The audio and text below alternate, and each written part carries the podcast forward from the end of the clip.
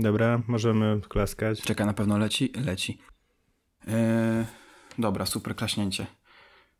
To co? Trzy, Trzy, cztery. cztery. Ty w ogóle klasnąłeś? Tak. No, to lecimy.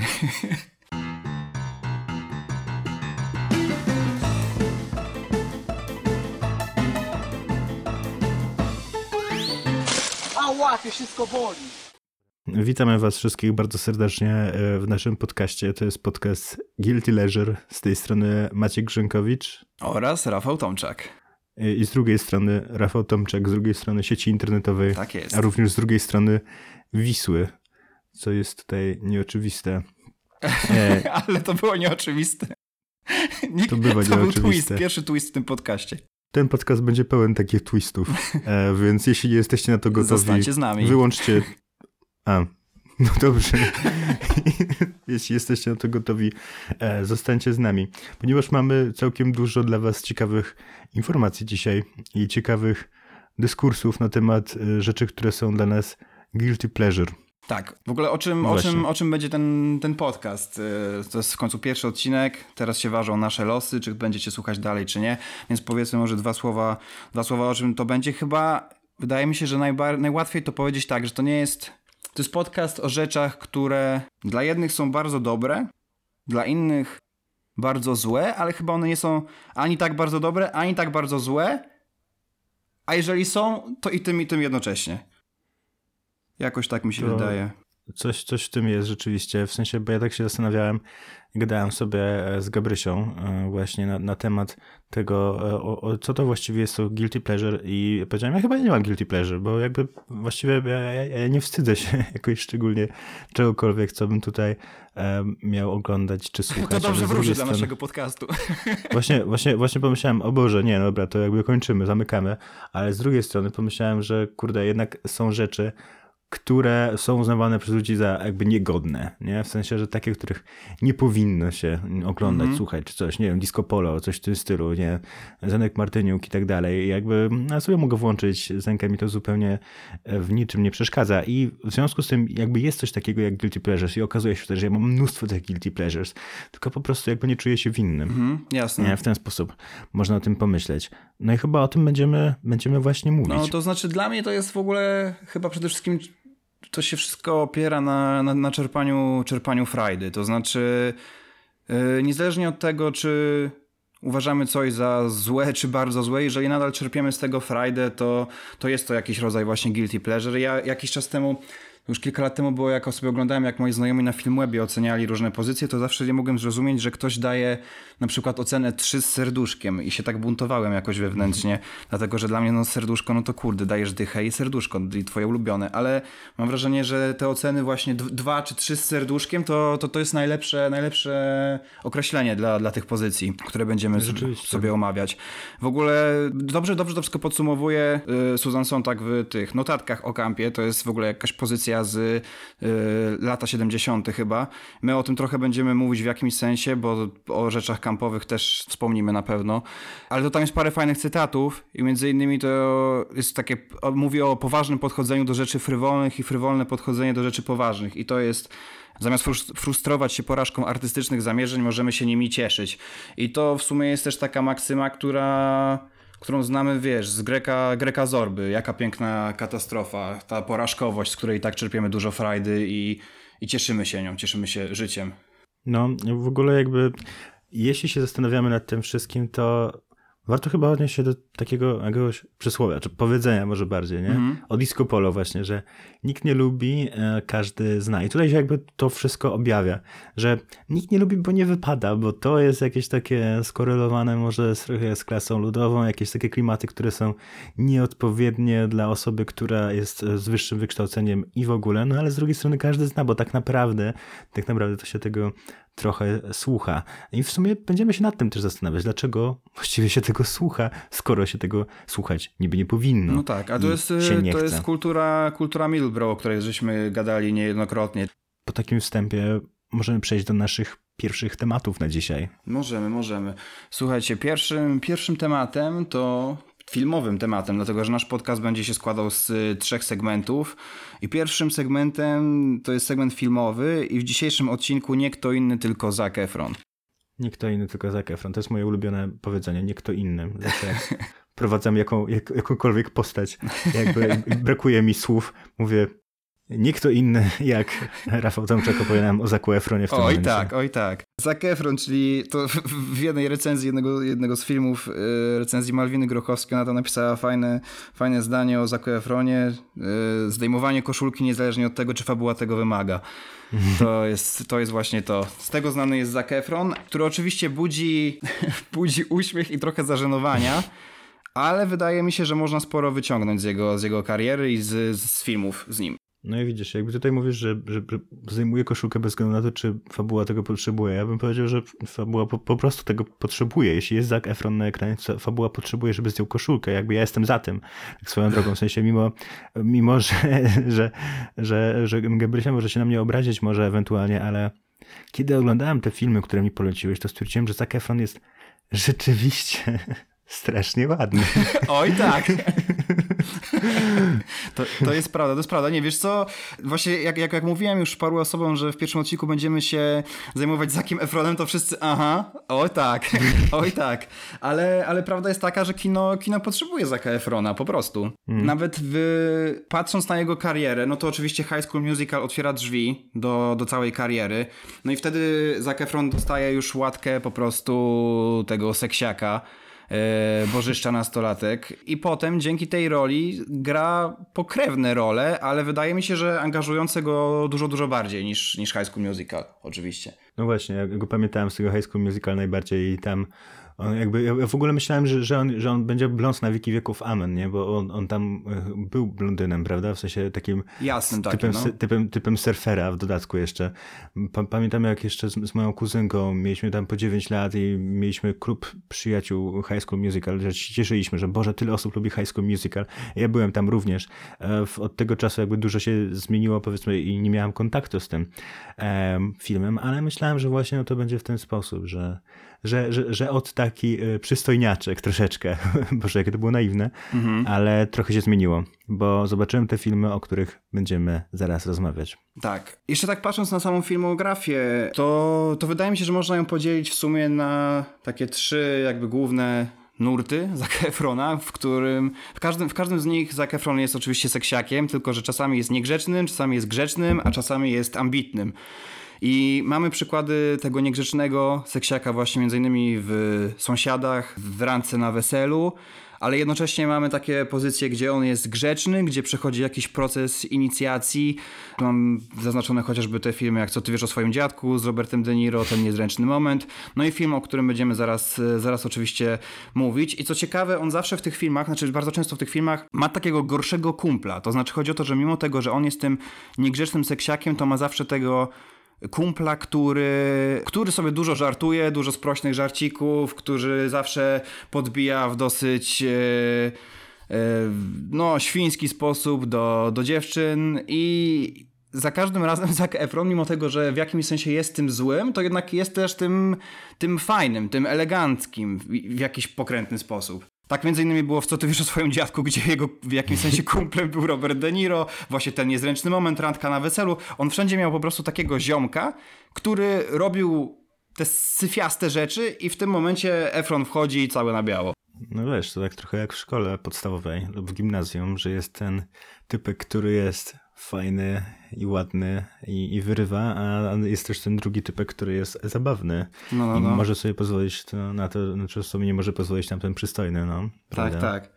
No, a jeszcze do tego dochodzą właśnie te pozycje, z, z, w których e, Zac Efron jest tym ambitnym seksiakiem, czyli, czyli takie pozycje chyba, w których Efron troszeczkę chciał złamać to swoje emploi i mimo tego, że tam też zdejmował koszulkę i tam też był piękny i się mienił, to, to jednak te filmy trochę miały inny target, jak Pokusa czy Król Rozrywki z Hugh Jackmanem. Pomijając to, czy te filmy były dobre, czy nie, bo zazwyczaj to były takie spektakularne porażki, albo chociaż próba ta złamania swojego emploi w podłym, okrutnym złym, e, gdzie w jakimś sensie Efron wykorzystuje swój urok, wdzięk, wykorzystuje swoją seksualność, ale jednocześnie zupełnie inaczej są porozkładane te akcenty w filmie.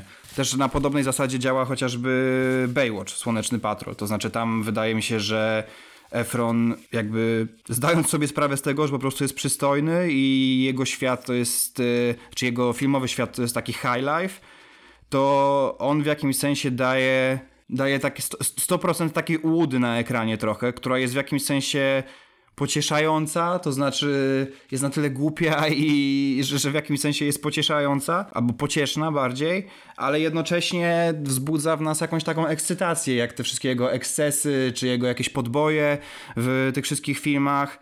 I to wszystko jest tak wykreowane w jakimś sensie, że że to jest tak sztuczne, że to przestaje być kłamstwem, bo czasami mamy tak chyba taki problem w filmach, że coś jest, z czymś bardzo się możemy utożsamiać, przełożyć to na własne życie, po czym nagle pojawia się scena, która jest tak odrealniona, że czujemy bardzo duży dyskomfort w tym, że, że ktoś nas próbuje oszukać. Natomiast mam wrażenie, że yy, w wielu filmach z Zakiem Efronem nawet nikt nas nie próbuje oszukać. To znaczy umawiamy się na pewnego rodzaju konwencję, która jest tak szczerze sztuczna, że nam to po prostu nie przeszkadza. No, te, te filmy zaczynają wtedy grać tak jakby w inną grę, nie? Mają inny cel, bo kiedy jest jakiś realistyczny obraz, no to rzeczywiście, kiedy nagle pojawia się e, który może wszystko, no to czujemy jakiś fałsz, ale w tym momencie, w tych kolejnych filmach z Zakiem to nie, nie jest już celem to, żeby oddać jak najbardziej realistycznie rzeczywistość, a żeby jakoś, jakby, nie wiem, przekazać jakąś treść, można przekazać jakąś treść, to może być za dużo powiedziane momentami, no ale chociażby grać na stereotypach, jakaś komedia dell'arte, czy coś w tym stylu, żeby się uruchamiała, a niekoniecznie, żeby właśnie e, powiedzieć nam prawdę o życiu i wszechświecie, nie? W mm sposób. Jasne, jasne. No i też patrząc na ten podział chyba tych, tych pozycji, w których właśnie on brał udział, to też możemy się trochę odwołać w ogóle też do, do, do w jakimś sensie podziału chyba guilty pleasure, dlatego że ja to przynajmniej tak widzę, że, że guilty pleasure mm, albo te pozycje, które, które ja będę chciał tutaj proponować w, w podcaście, to dzielą się na takie dwa nurty, to znaczy w jednym, w jednym przypadku trochę jest zabawa formą, jakaś przesada i zabawa schematami, coś w tym stylu, jakieś takie branie w cudzysłów tego wszystkiego. Tylko, że to jest już tak bardziej, bardziej yy, zaplanowane, to jest bardziej robienie czegoś trochę z konkretnym zamierzeniem. I wydaje mi się, że między innymi właśnie taki Baywatch, czy, czy niektóre z tych pozycji się też kwalifikują po, pod ten rodzaj guilty pleasure, ale dla mnie tym fajniejszym, tym, to, tym fajniejszym nurtem jest to, gdzie twórcy po prostu tak naiwnie i z tak wielką powagą w jakimś sensie yy, zawodzą. To znaczy robią coś z pasji, z głębi serca i to po prostu jest złe. I to jest złe na tyle, że po prostu się z tego nie śmiejemy, w sensie konkretnie z tej pozycji, tylko w jakimś sensie czerpiemy z niej frajdę i się trochę radujemy. I to jest taki, taki czuły, czuły cynizm z naszej, z naszej strony, że jednocześnie wiemy, że to jest złe, ale to nam bardzo, bardzo odpowiada i od, odczuwamy właśnie frajdę z, z tej poniesionej porażki. No. I mam wrażenie, że takim filmem, wiem, już wiem, że, że trochę się tutaj nie będziemy zgadzać, ale, ale właśnie dla mnie takim filmem jest We Are Your Friends, o którym, o którym zaraz powiemy więcej. Co ciekawe, ty nie jesteś friend Oj, tego nie, nie, filmu, nie. więc, a ja jestem. Znaczy, ja, ja jestem, ale, więc... ale właśnie w tym naszym rozumieniu stricte, stricte podcastowym, to znaczy... Ale ty jesteś tym fałszywym przyjacielem. Trochę tak, jeden z wielu w tym filmie, po prostu. No to może przechodząc już sobie do tego samego filmu, no to dla mnie, dla mnie już w ogóle wejście jest strasznie, strasznie zabawne. To znaczy, e, film się zaczyna, oczywiście leci utwór We Are Your Friends i w tym momencie zarówno... Kto by się spodziewał? szok, szok. Pierwszy, no, pierwszy twist. Takie, Jeden z To wielu. było takie push.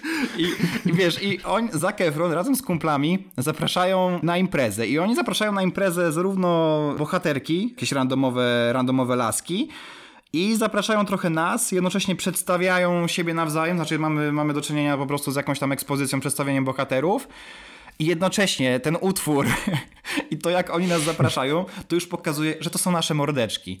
Jakby to, to, to, są ludzie, z którymi my się naprawdę mamy zakumplować i strasznie, strasznie mnie bawi to wejście już po prostu, że jakby z góry zakładamy, że tak, ziomujemy się z nimi. Tak myślisz? Bo ja miałem właśnie tak e, jakby nie, nie do końca w ten sposób. Okej. Ale może tak być, nie? W sensie ja miałem takie poczucie, że niekoniecznie to są mordeczki, ale jakieś takie e, jakby całkiem poważne, może i świadome nawet w pewnym momencie jakoś przedstawienie problematycznego świata Los Angeles, nie? Z tymi całymi nierównościami społecznymi i z e, bohaterami, którzy są godni właśnie tego, tego świata nierówności społecznych, którzy są, pochodzą z nich, jakby z nich nie wyjdą już No, no, no. prawdopodobnie jakby mają tylko siebie. Jakby my w tym momencie ich obserwujemy, oczywiście my jesteśmy tutaj też jakimś uczestnikiem, ale wydawało mi się, że bardziej oddalonym może.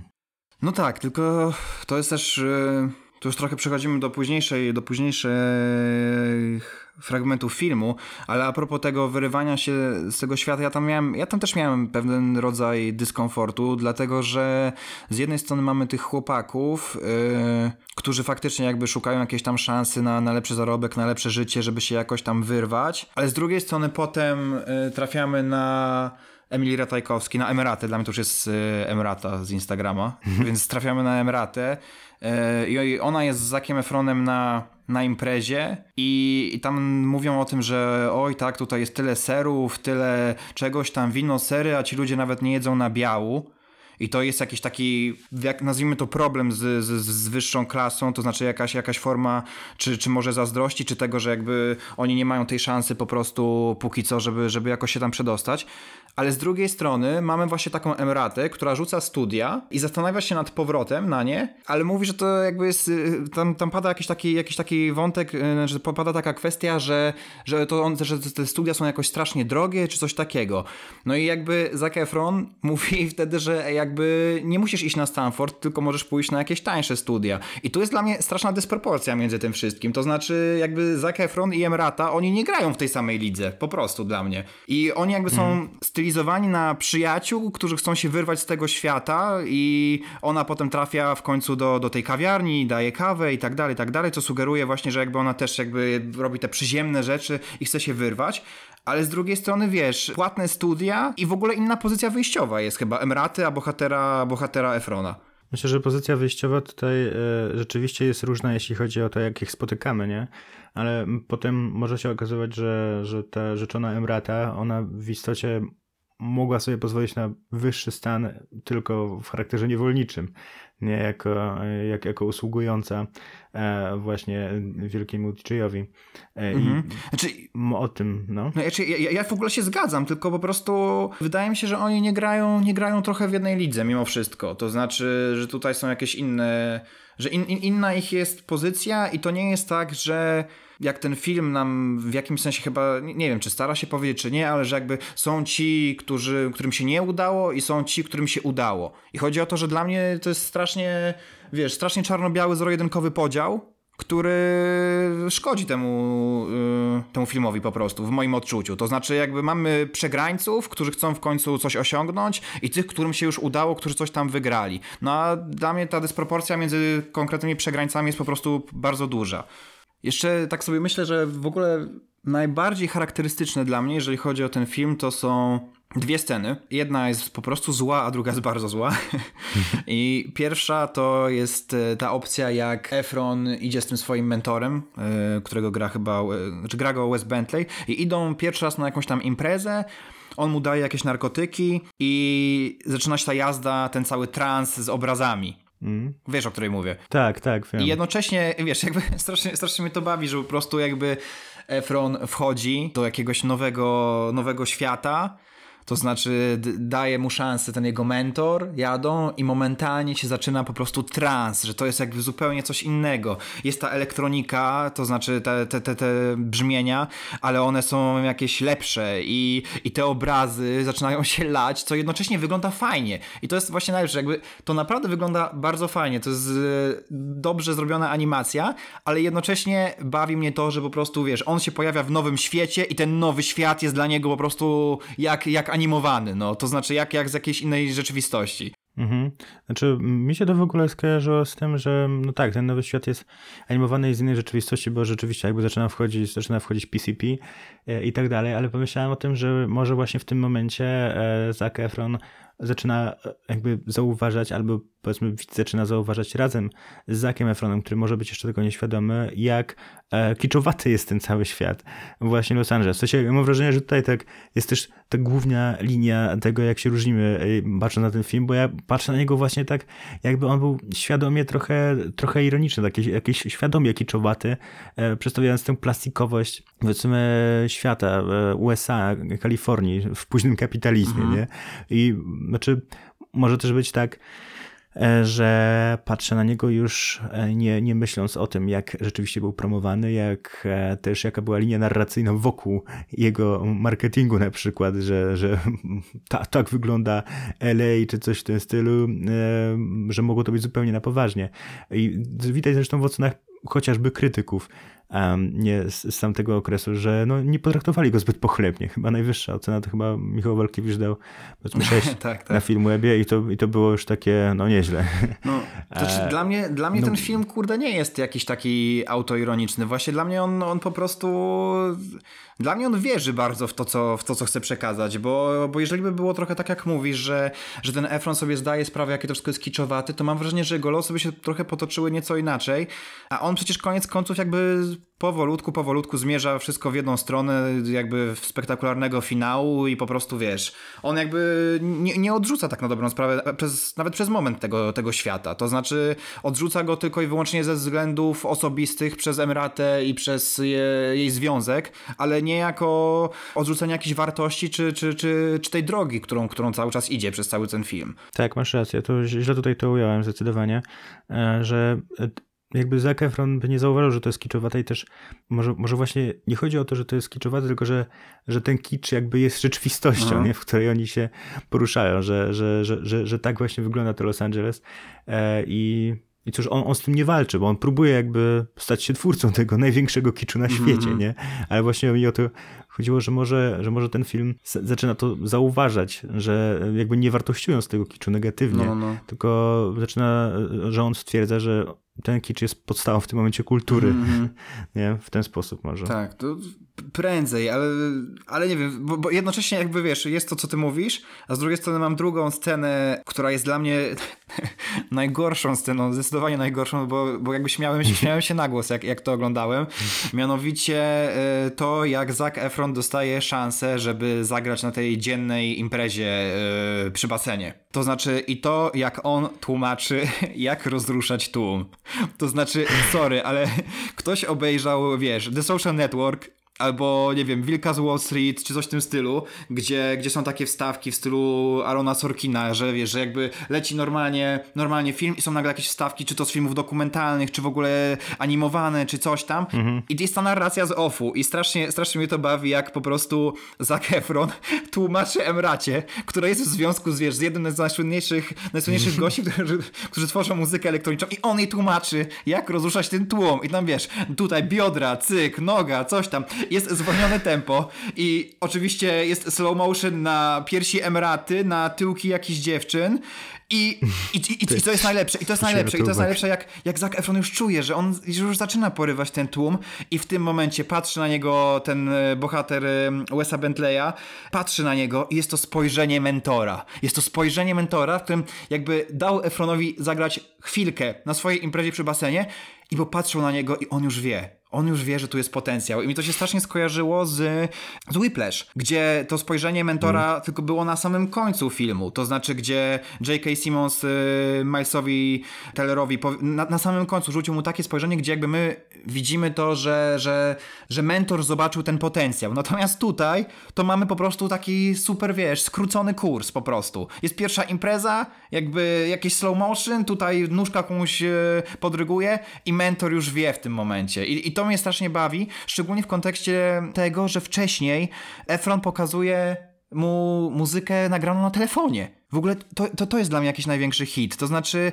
ja wiem, że jakby, znaczy, to nie jest tak chyba, że każdy muzyk musi być jakimś audiofilem, ale sorry, jeżeli jest jakiś super znany DJ, no to on prosi, wiesz, Zac Efrona, żebym puścił jakiś swój kawałek i Zac Efron mu puszcza z telefonu, słuchają sobie na telefonie i dobra, dzięki. No to, to jest straszne, strasznie mi to nie gra.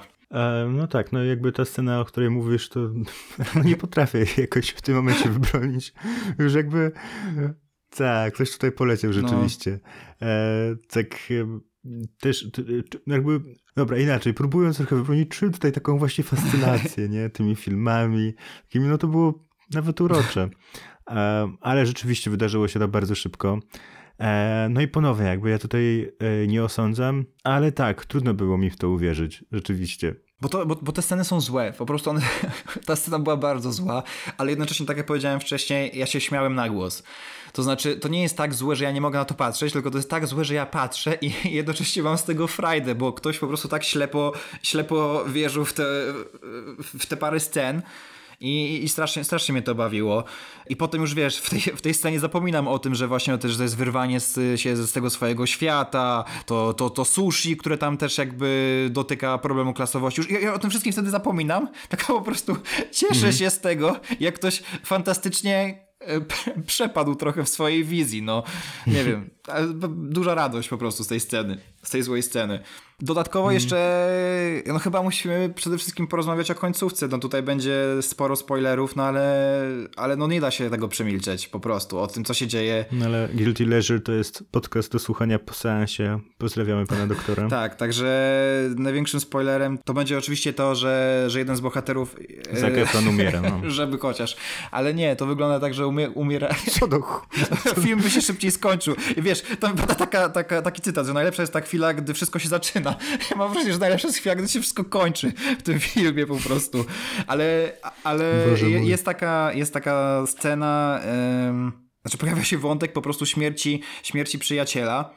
E, I bardzo mi się podobał e, komentarz na Filmwebie e, jednej osoby z moich znajomych, która napisała, że uwielbia jak śmierć, jak śmierć Milusińskiego kolegi pomaga w, kanalizo w kanalizowaniu talentu. I to jest, i to chyba najlepiej podsumowuje to, wiesz, że jakby ta śmierć po prostu tak wstrząsa Zakiem Efronem, że on stwierdza, że wszystko w dupie, całe to życie w ogóle w dupie, jakby w sumie kumpli, to, to już teraz ma trochę, może nie, że w dupie, ale jakby musi się od nich odseparować, musi się odseparować od tej swojej poprzedniej pracy beznadziejnej. I nagle on wszystko rozumie, że, że musi całkowicie wejść w tą organiczną pracę przy tworzeniu muzyki.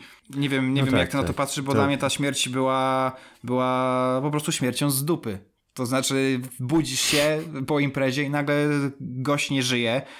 Ja, ja, ja jak pierwszy raz oglądałem ten film, to po prostu byłem w szoku, że, że coś takiego się wydarzyło. Po prostu wiesz, że jakby nie ma w tym filmie punktu zwrotnego, to bang, damy punkt zwrotny. Znaczy, no właśnie, to jest ta kwestia, co zresztą było już przy poprzedniej naszej omawianej scenie i w ogóle cały czas, że jakby te, ten film dzieje się bardzo szybko i w nim punktów kulminacyjnych, które starczyłyby na jeden sezon serialu pewnie, e, szczególnie z perspektywy czasu. No i to, że on nagle tak szybko umiera, no tak, e, szczególnie, że mało na to wskazywało jakby podczas sceny imprezy, no, no, no. nie? On rzeczywiście e, budzimy się i on umiera, ale jakby ja tutaj nie bronię rozwiązań artystycznych, które zatem się kryły, ale jakoś tak na, na płaszczyźnie czysto uczuciowej, to jakoś, jakoś mnie to poruszyło. To było jakoś tak właśnie naiwnie wierzące e, w, w to dobro, które może się stać, które będzie jakby na skutek takiego katatycznego wydarzenia, jak, jak właśnie śmierć kolegi, nagle tutaj oni się budzą, on się budzi konkretnie, on będzie grał na tym e, festiwalu i wykorzystuje ten sample. No to jest, e, to, to, to, jest, to jest jakby, w ogóle to było trochę dziwne.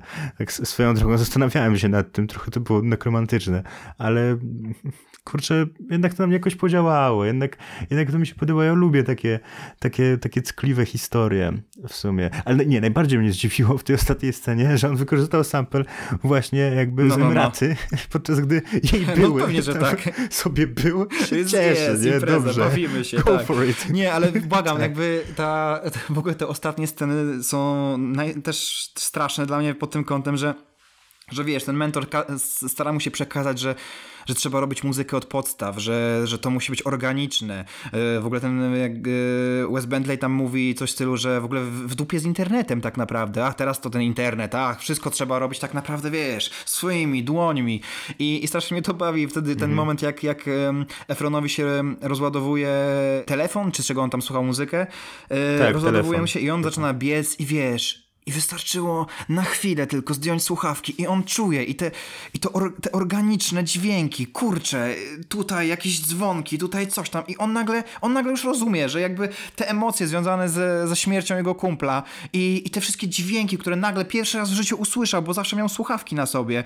I, i wiesz, i nagle i, i, i, to jest straszne, ale jednocześnie działa pod tym kątem, że, że się wkręcasz w, to, w, w, w, w tę narrację po prostu, że ona jest jednocześnie straszna, ale się wkręcasz, masz takie kurde, wow, że to jest tkliwe i faktycznie to, to w, jakimś sensie, w jakimś sensie działa, no. A ta scena finałowa, kiedy on gra ten koncert i są dźwięki z całego filmu, wiesz, y, ten hołd dla jego, jego, jego kolegi, znowu są jakieś retrospekcje, no to to jest bardzo kiczowate, ale jednocześnie no wkręcasz się trochę i, i emocje biorą górę, no jak, jak on tam zaczyna powtarzać te, te, te, te kwestie, krzyczeć do, do, do tłumu yy, właśnie wypowiadaną przez tego jego kumpla, no to, to łapie trochę za serducho, chociaż wiesz po prostu, że to jest, że to jest słabe, no. No, no tak, ja myślę, że tutaj w ogóle montaż też, też pomaga. W sensie mam wrażenie, że montaż akurat tutaj jest dobry, że montażysta ratuje w dużej y, ilości sytuacji reżysera, który na przykład mówi, dawaj, damy tutaj fragment z kreskówki i tutaj damy fragment z filmu no, no, dokumentalnego, no. a montażysta jakby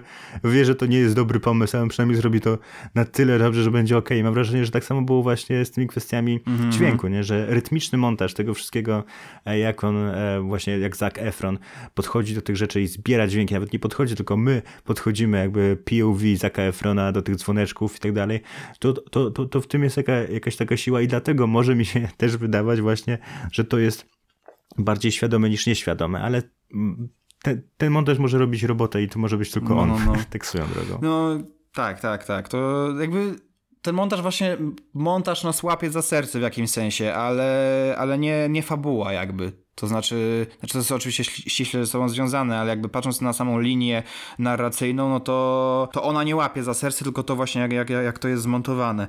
Też strasznie mnie bawi sama końcówka, gdzie wiesz, oczywiście wszystko wychodzi super, wszyscy są zadowoleni, w ogóle wszystkim się udaje i ten, i, i najlepszym podsumowaniem jest ten wątek w ogóle ze zbieraniem y, pieniędzy przez Zaka Efron od tego, wiesz, co wkładał mm. po każdej zarobionej, po każdej wypłacie, to wkładał zarobione pieniądze do pudełka pod łóżkiem. No i tak sobie wkładał te pieniądze, wkładał, wkładał, wkładał. Potem w międzyczasie się okazało, że jedna babeczka straciła dom y, przez firmę, w której pracował Efron. No i wszystko fajnie, fajnie, on zbiera te pieniądze, zbiera te pieniądze i tylko po to, że potem w scenie, e, pod, e, to jest w trakcie napisów chyba, się okazało, że on przekazuje to pudełko z pieniędzmi tej babeczce właśnie, która, która straciła, straciła dom.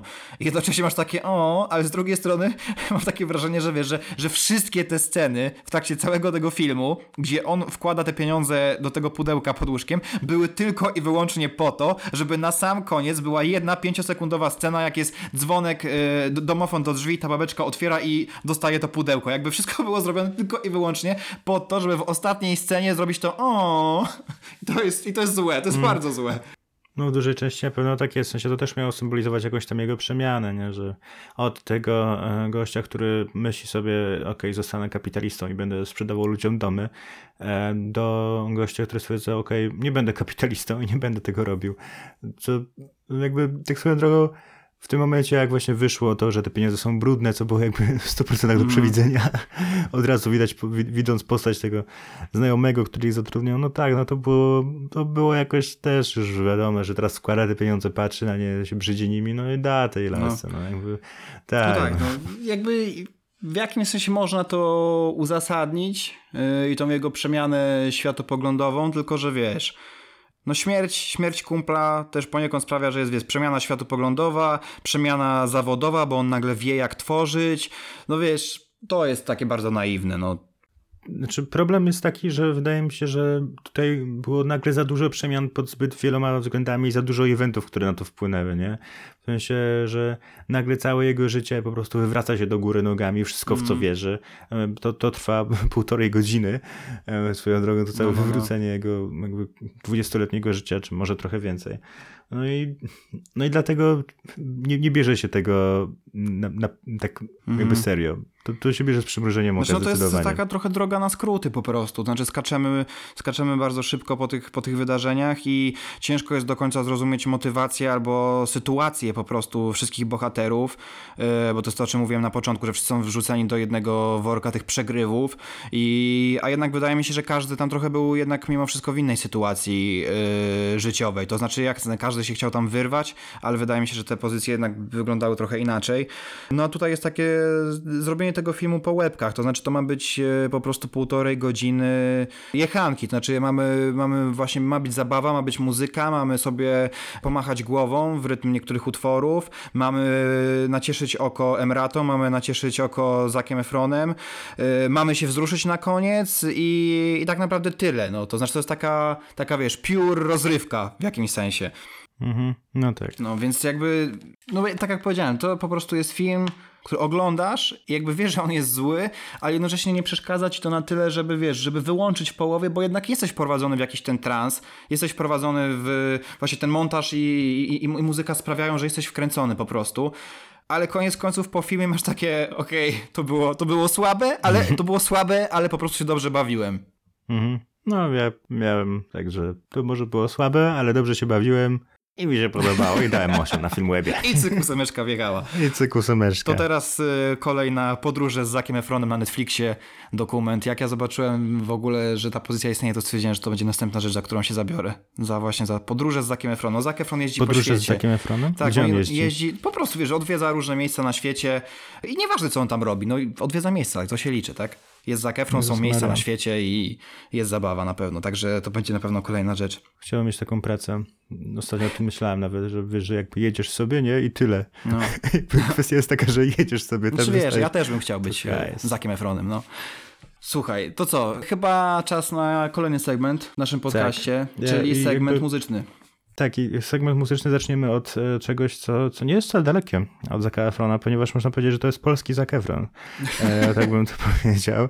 E, dobra, może trochę przesadziłem. Belmondo na pewno jest też e, chyba człowiekiem, który może podobać się innym ludziom z wyglądu i z charakteru może też. E, I to właśnie nim będziemy się dzisiaj zajmować. Jakby pojawia się pytanie, dlaczego właściwie mówimy o Belmondo w kontekście guilty pleasure. No jakby myślę, że powodów jest tutaj całkiem sporo. Podstawowym jest jednak tym, że to jest dla mnie moje duże pleasure. Jakby może ja ci, ja ci opowiem, jak zaczęła się moja przygoda z No, Belmondo. no, ty to wiesz.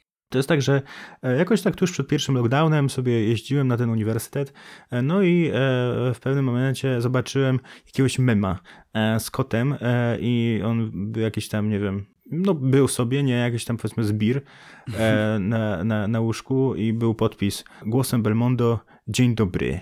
Ja sobie myślę, okej, to może przesłucham, o co chodzi z tym dzień dobry, nie? No i wchodzę na Spotify, wpisuję dzień dobry, a Spotify mi nie odpowiada. Nie no. I ten, jakby włączam sobie to, to dzień dobry Belmondo, ja myślę, what the fuck? To jest, to jest to, co. To jest taka sama była moja reakcja, jak zobaczyłem cokolwiek Belmondo. Właśnie, nie? W sensie, słyszałeś dzień dobry? Nie, nie, dzień dobry, nie. No to generalnie to jest tak, że jakby, dobra, wstęp 40 sekund, a potem dzień dobry, nie? Potem e, dzień dobry, o, nie? Jakby, No, że generalnie myślę, że w tym się stresza twórczość Belmondo mniej więcej. E, jakby pomyślałem, że to jest strasznie dziwne i w ogóle myślałem, że on jest o wiele starszy niż jest w rzeczywistości, tak swoją drogą, bo on ma ten głos tak niski, że, No. że, że, się, że się tego nie spodziewałem. Ale dobra, po pewnym czasie jednak nie odpuściłem mu, no i dobra, słucham tego dzień dobry. Potem włączyłem jego płytę, którą e, nagrał razem z GSP, czyli e, nazywa się Mobin, ale jest napisane od, tyłu jakby tak, no w sensie w taki sposób, że ten napis to w lustrzanym odbiciu pokazuje napis Mabin, czyli właśnie zespołu Belmondo. No jakby stwierdziłem, okej, jednak coś w tym jest, w sensie, bo stwierdziłem, że Belmondo ma właśnie po pierwsze jakby niezwykłe f- flow i niezwykły deliver, nie? W sensie tak, tak, tak, tak, tak No, no, tutaj no. to określił, że on, on obie te rzeczy ma, e, ma bardzo dobre, ale nieoczywiste. Ale jednak znajduje się tutaj w naszym podcaście World Famous Podcast Guilty Leisure, e, więc z jakiegoś powodu coś tutaj jest nie tak, nie? Ej, otóż przejdziemy właśnie do tego, bo Rafał, ty, ty miałeś okazję wysłuchać kawałka Stelio. Tak, to znaczy zacznijmy od tego, że troszeczkę mi zajęło wyszukanie tego kawałka, dlatego że ta twórczość Że Belmondo że jest... musiałem ci go w końcu wysłać. Tak, tak, tak. Twórczość Belmondo jest dosyć rozproszona, bo ciągle się pojawia coś na jakimś innym kanale, tutaj się jakoś coś inaczej nazywa, tutaj właśnie jest jakieś lustrzane odbicie i tak dalej, i tak dalej. Ja jako kompletny laik po prostu jak chcę wyszukać sobie utwór, wpisuję i nie ma się okazuje, więc trzeba trochę poszukać. Wysłuchałem tego utworu i wysłuchałem też paru, paru innych i mam takie odczucia, że, że nie mam pojęcia o co chodzi, po prostu. Nie mam pojęcia, o co, tak zapisałem w notatkach, nie mam pojęcia o co chodzi, ale XD. Super notatki. tak, to są notatki do, do, do Belmondziaka. Po prostu mm, i myślę, że, że na pewno super jest forma, tak jak ty mówiłeś wcześniej o tym, o tym flow właśnie, że, że on po prostu dostarcza, to znaczy to jego tworzenie wyrazów, jakieś tam zapożyczenia, własny sposób wymowy niektórych słów, sylabi, sylabizowanie. To wszystko brzmi trochę jak taki freestyle. Znaczy ja nie wiem w sumie jak on to, jak on to nagrywa, ale, to, ale ma takie freestyle'owe flow i jest bardzo fajna ta jego ekspresja. Strasznie fajna jest forma. Bardzo fa- fajna, przepraszam. Dobrze się tego słucha. To jednocześnie bawi, ale jednocześnie czuję, że bardzo, ale to bardzo słabo to rozumiem. To znaczy nie znam za bardzo kontekstu, mam wrażenie, jeżeli chodzi o jego osobę i jego twórczość. I autentycznie po prostu nie mam pojęcia o co chodzi. Znaczy, Rafał, myślę, że to nie jest jakby problem z tym, że ty nie znasz kontekstu. Tego kontekstu tutaj za bardzo nie mam. Po prostu, jakby, jeśli chodzi o teksty, bo e, o, to, o tym tutaj powiedziałeś, ja myślę, że tutaj się zaczyna pierwsza kwestia związana z Belmondo. On jest niezwykle kontrowersyjną osobą, niezwykle kontrowersyjnym raperem i również tego się e, ty- tyczą jego teksty. No właściwie nie, tego dotyczą, nie, inaczej, jeszcze bardziej, inaczej. Jego teksty również są przedmiotem kontrowersji, ponieważ są oskarżenia o to, że nie on je pisze. Swoją drogą, to jest ciekawe, że zatrudnia ghostwriterów, żeby potem napisać dzień dobry. nie, jakby, dobra, żarty na boku. Uważam, że, że, że te teksty są bardzo, bardzo ciekawe, ale rzeczywiście trudno e, je czasem zrozumieć, bo one są grą słowną e, w dużej części, ale również trudno zrozumieć Belmondo czasem o co mu chodzi, ponieważ treść również jest dziwna, jeśli się w nią słuchać, jeśli ją znaleźć, nie? Na przykład w tym kawałku, e, którego razem słuchaliśmy, czyli Stelio, e, którego na początku teraz zaczyna się od e, planszy Wolne konopie, jakby popieram, popieram jak najbardziej, ale to już nam wskazuje, że, że, że, że coś tutaj będzie grane, nie? Stelio, wolne konopie i nagle okazuje się, że tutaj Belmondo ma problemy e, z Big Farmą. Coś tam muchomor i grzybek e, siłę dają życiodajną. O, ulubiony tym- wers, ulubiony wers. Dobrze o tym wiesz, jeśli grałeś kiedyś w Mario. E, coś tam nie będę dzielił się moimi pieniędzmi z pazerną Big Farmą, ani z farmacją, bo dla mnie to farmazon. Jakby moim zdaniem jest bardzo jakby dobrze skonstruowany, jeśli chodzi o lirykę, ten wiersz, ale kurczę, Big Pharma? Belmondo, gościu, Ale proszę wie- cię. Ale wiesz, z drugiej strony to nawet nie jest jakoś specjalnie ofowe, dlatego że o Big Farmie nawet na jednej, nie pamiętam na której to jest płycie, ale nawet wiesz, u Taco się pojawia ten motyw Big Farmy. Jakby coś tam, E, tak. coś tam, coś tam zaskoczyło, no, ale, ale to fajnie brzmi e, w tym zestawieniu właśnie u Belmondo, gdzie, gdzie on o tym mówi w taki sposób, że, że ja nie wiem, czy to jest ironiczne, czy nie, po prostu. Autentycznie tego nie wiem. No właśnie. I pojawia się tutaj też ta kwestia filmiku na Instagramie, który wyszedł całkiem niedawno zatytułowany Orędzie. Kurczę. Belmont, Orędzie. Tomasz Grodzki może sobie robić orędzie. No ale dobra. Orędzie było ciekawe. Tylko odnosiło się ponownie do Big Farm, a konkretnie do koronawirusa. E, Bo Belmondo tutaj nam dał jakby sposób na koronawirusa, który najwyraźniej został jeszcze opatentowany. E, Jeszcze, żeby- jeszcze, podkreślmy jeszcze. jeszcze, e, no po, ponieważ jakby chodzi o to, żeby wrzucić czosnek do słoika, chyba wrzucać go przez 4 dni, coś w tym stylu, albo przynajmniej przez kilka dni wrzucać ten czosnek do słoika z wodą, a potem e, sobie na noc e, to pić. E, I podobno będzie się potem zdrowym. No i Właśnie tu jest ta kwestia, czy on żartuje, czy nie. W sensie można odnieść wrażenie, że może trochę żartuje, ponieważ to jest w odniesieniu do jego płyty, która się ukaże właściwie singla, który już jest na Spotify, czyli Alio Olio, który właśnie, no Alio Olio, czyli czosnek i olej. No i tutaj właśnie Belmondo mówi o tym czosnku, ale z drugiej strony ponownie włączamy go, słyszymy to samo monotonne flow, które, które jest jakieś tam ciekawe. E, Sam Belmondo to komentuje, nieustanny, monotonny monitor, tak to się zaczyna, nie? Jakby to, to, to, to, jest ciekawe, ale potem w przerwach między poszczególnymi zwrotkami słyszymy e, dzień dobry, poproszę alio olio, jak to obostrzenie? Jak to, gdzie jest moja maseczka? Ten... Myślisz, o co chodzi? Szczególnie, że były niedawno urodziny Belmondo, impreza no. e, e, jakby na Pomorzu, gdzie Belmondo pisał otwarcie na swoim Instagramie, nie masz maseczki, to nie wchodzisz. Ty, ale no i zobacz, tak zupełnie serio, gdybyś miał powiedzieć, no bo ja mówię, ja, ja jestem laikiem i miałem tę mniejszą styczność. Czy ty myślisz, że to jest kreacja, czy ty myślisz, że to jest ironia, czy, czy, czy, czy, czy co to jest w ogóle? Ja nie mam pojęcia i właśnie to jest problem. Gdybym miał no. pojęcie, to mógłbym się do, do, tego jakoś ustosunkować. Ale jakby w ogóle, jakby, jakby wszystko jest tutaj tak dziwnie efemeryczne. Jakby sam Belmondo na przykład mówi, że był anarchokapitalistą, teraz jest już anarchopostpunkiem po swoich urodzinach ostatnich. Podobno. Co to były za urodziny? No właśnie. E, musiał mieć maseczkę na nich swoją drogą. E, I z drugiej strony pojawia się obok takiego, no powiedzmy, wolnościowego chyba założenia kwestia tego, dlaczego został wydalony ze Mopin, czyli swojego zespołu, niegdyś po aferze z Rafalalo, mm. e, gdzie został wywalony właśnie przez to, że e, było podejrzenie, e, że uprawiał z nią seks, czyli E, krótko mówiąc, okazał się być osobą niekoniecznie heteronormatywnej seksualności, znaczy heteroseksualną. No jakby hmm. tutaj pokazuje się nagle e, oświadczenie GSP, że Mobbing było zawsze e, chrześcijańskie, prawicowe, no, no, no i co tu się dzieje? jakby no, no. tutaj nie ma żadnej linii jakby zbornej między tym wszystkim. Może, hmm. może dlatego też jakby fajnie tego słuchać, bo cokolwiek, czegokolwiek by Belmondo nie powiedział, można brać to jakiś tam nawias. E, nie, niekoniecznie trzeba brać to na poważnie, a jakby chodzi tutaj o tę jego grę słowną, nie? Mhm. No właśnie, bo ja zacząłem się zastanawiać w kontekście tych dwóch, e, dwóch nurtów, o których na samym początku mówiliśmy właśnie. Czy to jest coś, które jakby robienie tego z potrzeby serca, takie bezwzględne wierzenie w to, co się mówi, które jest trochę porażkowe i wiesz, on, że on, on, on, w to wierzy, jest to szczere, ale jednocześnie trochę naiwne i to bawi ludzi, czy jest to jednak e, jakaś zabawa formą, zabawa schematami i bardziej właśnie chęć y, ukłucia nas w ten taki, w taką sferę, sferę dotyczącą estetyki, sferę dotyczącą właśnie tego dostarczania po prostu tych utworów, o którym też mówiliśmy. Czy to jego flow to jest coś robione w jakimś sensie pod nas, czy, czy pod słuchaczy, czy, czy on po prostu taki jest? W jakimś sensie. Trudno powiedzieć, szczególnie, że może kojarzysz pewien filmik e, z Instagrama Belmondo, który na pewno wszyscy kojarzą, e, którzy mieli jakikolwiek kontakt e, z Belmondziakiem, Belmondziarzem Stossingerem, Belmont Dark i jeszcze kilka innych mamy tutaj imion. No, czyli Wolny Kurdystan oczywiście. I no.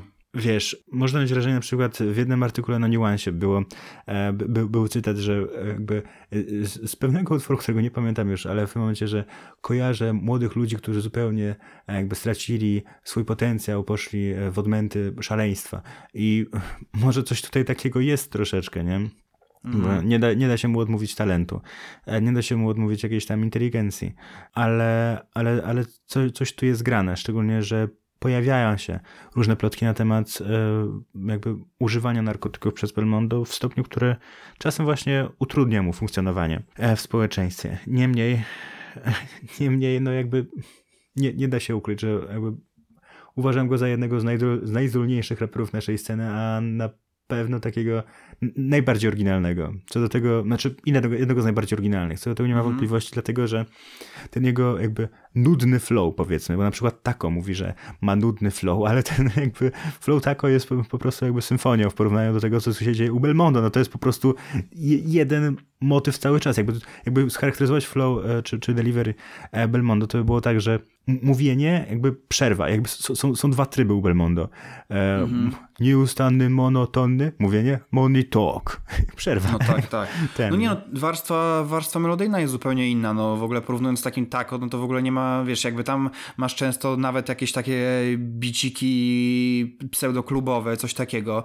Generalnie to jest bardzo melodyjne wszystko, a u Belmondo to jest po prostu jakaś forma no, re recytowania tego tekstu, tylko recytowania w taki sposób właśnie pełny, sposób pełny charyzmy po prostu. Nie, nie do końca potrafię to powiedzieć, ale, ale na pewno to jest coś takiego, że, że, że to zwraca uwagę bardzo. To nie jest zwy, zwyczajne po prostu odczytywanie, odczytywanie słów, tylko to jest, to jest takie flow, które które sprawia, że chcesz tego słuchać dalej. Mhm. Właśnie, bo to jest tyle ciekawe, że powiedziałeś, że to jest recytowanie. Ja mam wrażenie, że to nawet nie jest melorecytacja. Nie? W sensie tutaj mm -hmm. nie, ma, nie ma tego akcentu, nasz aspektu tak, tak, tak, melo. No, no. Może tak być. Nie no, na pewno to jest e, fajna sprawa, żeby sobie raz jakiś czas go posłuchać. E, natomiast e, ja jestem. Nie, nie wiem, czy potrafiłbym po prostu sobie mm, mieć go odpalonego na słuchawkach, ale tak, żeby sobie obczaić jako jakąś zajawkę, to, to jest bardzo fajna sprawa. Wydaje mi się, że żeby jakoś odczuwać większy, większy jakiś taki stosunek emocjonalny, to musiałbym chyba poznać jednak ten, ten kontekst, którego, o, o który ciężko tutaj, który ciężko wyłuskać jakoś. Hmm, który dalej cały czas powstaje na Instagramie Belmondo. Po No, prostu. no. To co, może przejdziemy do twojej części muzycznej? Tak, tak. Ja teraz tak naprawdę króciutko, dlatego że mm, tak, mamy do zaprezentowania utwór y, Country Roads zespołu Hermes House Band, który jest oczywiście remixem. Remixem utworu Take Me Home Country Roads autorstwa Johna Denvera, czyli utworu, który był bardzo popularny już w latach y, 80. Znaczy, data powstania to jest 71 rok, a co ciekawe, który stał się w 2014 roku hymnem stanowym zachodniej Virginii. Naprawdę? Nie miałem pojęcia w ogóle, tylko mówię oczywiście o oryginale, nie o remiksie. W sensie to jakby Jasne. rozumiem, że oryginale jak... Tak, tak. I, i, i to, O, mnie, i to mnie strasznie, strasznie rozbawiło. No i oczywiście jakby Take Me Home Country Roads, no to masa przeróżnych coverów, e, masa najróżniejszych wykonań akustycznych albo zupełnie nie. E, No ale na pewno ten, znaczy na pewno, wydaje mi się, że najbardziej znanym jest właśnie ten, o którym, o którym teraz e, mówimy. W 2001 roku holenderski zespół popowy właśnie Hermes House Band wydał jeden z wielu swoich coverów, bo oni w ogóle mieli, mieli taki okres, że wykonywali bardzo dużo przeróżnych coverów, ale wydaje mi się, że to jest jeden z tych popularniejszych. I co oni nam podają? Oni nam podają niesamowite połączenie muzyki country z muzyką klubową. To znaczy, mamy tutaj bicik, ale mamy też y, brzmienia typowe dla, dla muzyki country. I słucha się tego bardzo, bardzo przyjemnie. Yy, Jednocześnie masz takie poczucie, że o kurde, co to jest? Czy to jest jakiś e, zamach na oryginał? Ale z drugiej strony, wiesz, ta głowa się buja, noga się buja i czujesz tą taką biesiadność tego, tego utworu, czujesz tą taką wspólnotowość. To jest strasznie przyjemne, to jest tak naiwnie przyjemnie, przyjemne i dla mnie to jest chyba jeden z... To jest taki top tego rodzaju, tego rodzaju przeróbek właśnie, na pograniczu muzyki klubowej i, i, i czegoś jeszcze, różnych takich coverów. Czy dla mnie to jest, może być top absurdalności, jakby w momencie, kiedy powiedziałeś, że to, to jest zespół holenderski, ja- jakby ten teledysk tutaj jest całkiem ważny, jakby w pewnym momencie jakby oglądasz sobie ten teledysk, myślisz, okej, no jest country, jest muzyka klubowa, no czyli spoko, a tutaj nagle masz flagę Konfederacji. I sobie myślisz sobie, okej, dobra, no to może w takim razie ten zespół jest przynajmniej, nie wiem, amerykański właśnie, No, no, no. e, zachodniej Virginii, ale nie jest holenderski, Tak. więc jakby to, ta imaginarium tutaj jest bardzo ciekawe, jakby flaga konfederatów, klepanie po tyłku, no i oczywiście Take Me Home, Country Roads to the place where I belong i gdzie nie ma żadnych czarnych Tak, tak, tak. To chyba jest, chyba jest to właśnie to wyścione miejsce zespołu z Holandii. E, ciekawe. Tak, ale, ale przy tym jakby to wszystko jest prawda, a jednocześnie obok stoi ta wizja tego, tej e, wspólnej zabawy, jak, jak ten teledysk jakoś stwarza taką poczucie, e, że takiej, takiej, takiej rodzinności, jakiejś takiej frajdy, z tego, że oni po prostu sobie żyją, nie mają żadnych zmartwień, błagam, jakby tam machają rewolwerami do rytmu muzyki. Czy, to jest wszystko, czego, czego wam potrzeba, no machania rewolwerami do bitu. I zero potrzeb, ludzie się bawią, ludzie się śmieją. Mam wrażenie, że oni mają, oni czerpią ogromną frajdę po prostu z wykonywania tego utworu, a potem jak sobie dokładasz do tego te wszystkie konteksty, o których przed chwilą powiedziałeś, to masz takie, kurde, jakby, co jest? Coś tu nie gra. No jest to rzeczywiście bardzo rodzinne. Przypomina oczywiście jakby em, no może przypominać trochę coś takiego jak wszyscy Polacy to wielka rodzina. Oczywiście gdyby e, zrobił to zespół holenderski i wywiesił flagę Polski walczącej albo NR-u, no to e, tak, tak by to wyglądało. Niemniej jakby rzeczywiście jest e, coś takiego, że chciałoby się do, do nich poniekąd przyłączyć. I właśnie to, że oni są z Holandii, jakby pomijając te aspekty, o których już powiedzieliśmy, No. To tym bardziej czyni to, że to jest w sumie urocze, nie? Bo jakby to, jak bardzo oni, powiedzmy, zakochali się w tej kulturze dzikiego zachodu, no to jest, to jest przeurocze. Dzikiego zachodu, czy właśnie, właśnie niekoniecznie dzikiego zachodu, bo przecież jakby Virginia no, nie jest na, na, dzikim zachodzie. Ale jak bardzo zmieszali tę amerykańskość ogólnie Tak, pojętą, tak. jakby ze sobą, ze wszystkich, powiedzmy, stanów, połączyli to jakby z miłością do, do tego w taki sposób, że można odnieść e, niezaprzeczalne wrażenie, że są z południa Stanów Zjednoczonych robią to bardzo szczerze. Mhm, tak, jest, jest tutaj jakaś taka, jest ta szczerość właśnie, taka naiwna szczerość z ich strony po prostu, że jakby to autentycznie się jarają pewnymi rzeczami i jakoś sobie sklejają to na własny sposób i, i, i dostarczają produkt po prostu, wiesz, do zabawy. W ogóle swoją drogą jest taki moment na imprezie, kiedy takie utwory po prostu idealnie wchodzą. Przynajmniej ja, ja, ja uwielbiam. To znaczy, jak już impreza trwa w najlepsze, już wszyscy powiedzmy są po paru drinkach, po paru piwach i masz utwór, który no wszyscy znają po prostu, no bo jednak oryginał Johna Denvera Take Me Home Country Roads to jest utwór bardzo znany, w przeróżnych wersjach, ale jest bardzo, bardzo znany. I nagle jak się pojawia to i pojawia się do tego ten beat, to wiesz, jednocześnie śpiewasz i jednocześnie tańczysz i to jest super. To znaczy, ja to strasznie lubię, dlatego że często na przykład jakaś czy muzyka elektroniczna, czy muzyka klubowa, no to w sporej mierze to po prostu są jakieś dropy, to po prostu jest, wiesz, jest beat, a tutaj masz coś, co jeszcze możesz śpiewać. Bo, bo wszyscy to znają, co prawda z innej wersji, ale wszyscy to znają i dobrze się bawią po prostu i biesiadują razem w jakimś sensie. Swoją drogą jeszcze innym fajnym wykonaniem y, tego mm, utworu Take Me Home Country Roads jest między innymi wykonanie Merlina z Kingsmanów, Kingsman Złoty Krąg. Jak ktoś nie widział, to też bardzo, bardzo polecam i mam wrażenie, że w ogóle ten utwór jest wykorzystywany w bardzo wielu przypadkach, żeby nadać jakiejś okazji dodatkowej nostalgii dużo swoją drogą jest takich komentarzy pod, pod, pod, filmami na YouTubie właśnie tych wykonań, że, że ludzie po prostu mają łzy w oczach. I to, i, to jest, i to jest niesamowite, że wiesz, przeglądasz sobie jakby leci bicik na przykład tego, tego właśnie coveru, leci bicik, lecą te słowa, zjeżdżasz do sekcji komentarza, tam ludzie mówią, że nie wiem dlaczego, ale łzy pojawiają się w moich oczach, nie wiem dlaczego, ale zacząłem odczuwać jakąś pustkę, jakąś tęsknotę.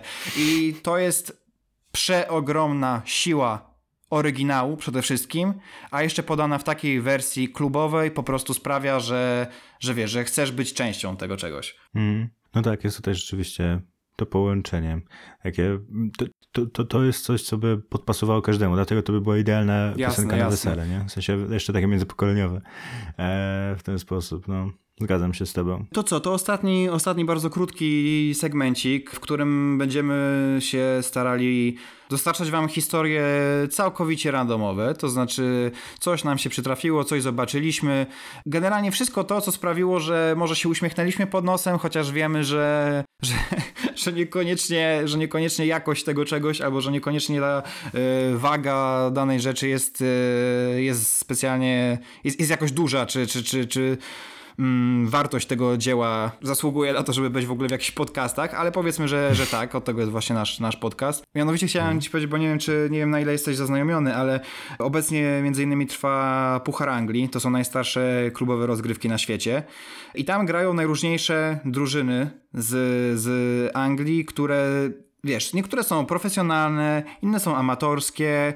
No i zazwyczaj oczywiście najczęściej wygrywa, wygrywają te rozgrywki drużyny, które grają w najwyższej klasie rozgrywkowej ale mhm. na samym początku wszyscy mają szansę i po prostu wiesz, przechodzą kolejne, kolejne, kolejne rundy. No i na samym początku grają te zespoły właśnie, które są na wpół zawodowe, które, wiesz, gdzie ludzie grają sobie po prostu hobbystycznie, mają inną pracę, ale raz na jakiś czas się spotkają i sobie zagrają w piłkę. No i odbyła się właśnie pierwsza runda tego mhm. pucharu, no i zespół półzawodowej ligi trafił na zespół z całkowicie zawodowej ligi, czyli Wigan Athletic. Mhm. I zespół właśnie ten amatorski, na wpół amatorski, Chorley, tak się nazywa, udało im się wygrać ten mecz. O. No i to, to, to się czasami zdarza, jakby jasna sprawa, mimo tego, że nie są faworytami, to wygrywają. I po meczu, po meczu piłkarze w szatni no, niesamowita radość. E, wszyscy tam, wiesz, uderzają e, dłońmi w, w ławki, w te boksy w szatni. No po prostu jest mhm. przeogromna, przeogromna feta i nagle ktoś puszcza kawałek Adele, Someone Like You. I oni wszyscy, ta szatnia, ta szatnia, wiesz, pełna testosteronu, gdzie tam wszyscy są spoceni, po prostu bez koszulek i tak dalej. I nagle, wiesz, dwudziestu paru typa stoi po prostu i śpiewają jak jeden mąż Someone Like You i, I po prostu to cię łapie za serce. I masz takie, kurde, ale oni zrobili. Wygrali ten mecz i teraz jako ta jedność po prostu wykonują taki utwór I wiesz, i, i, jest coś takiego, że to cię łapie po prostu, autentycznie, że jednocześnie masz coś takiego, że o kurde, jakby fajna gra kontrastów i w ogóle, że ale, ale, ale śmieszne to jest po prostu, ale jednocześnie działa to na ciebie i, i co ciekawe swoją drogą, w następnej um, fazie tego, tego pucharu znowu wygrali kolejny swój mecz i znowu przeszli dalej i co? Dwa tygodnie później, jak to się dzieje, do internetu trafia kolejny filmik, jak oni znowu w innej szatni, znowu Someone Like You, Adele. Boże, ale dlaczego sobie obrali akurat Someone Like You? Nie mam pojęcia. Nie mam pojęcia, ale, ale to w ogóle nie jest, wiesz, to, to nie jest ważne. To w ogóle nie, to, to, to nie ma co się zastanawiać. Po prostu ewidentnie to jest, to jest ich utwór. E, także ja im kibicuję po prostu teraz z całego serca, żeby wygrali te rozgrywki, co jest oczywiście raczej nieprawdopodobne, ale z całego serca, żeby na jakimś stadionie dużym, który, na którym będzie się odbywał finał Pucharu Anglii, żeby po prostu cała drużyna zespołu Charlie FC od, odśpiewała Someone Like You. To, to by było coś generalnie brzmi jakby zawsze byli gotowi na przegraną, nie? Jakby po, po przegranej już mieli ustawiony ten, e, ten, że zaśpiewają Someone Like You, ok, never mind, I'll fight Someone Like You, no ale się no, nie no, no. udało, no. ale dobra, i tak zaśpiewaliśmy, no dobra, niech będzie, nie? Jakby ja, ja, ja, ja kibicuję, żeby odpadli, żeby jakby, żeby przestali się z tym męczyć, bo sobie zabrą gardła już na dobre. No pewnie, Więc... że tak, ile można, ile można. No poza, właśnie, poza tym proszę cię, jakby za każdym razem do internetu trafiał taki filmik, to już by to, wiesz, to by się stało powtarzalne, już, już nie byłoby tego efektu zaskoczenia, już by wszyscy wiedzieli po prostu, co będzie i kiedy odśpiewane. To było mniej więcej tak ekscytujące jak kolejne rekordy zakażeń.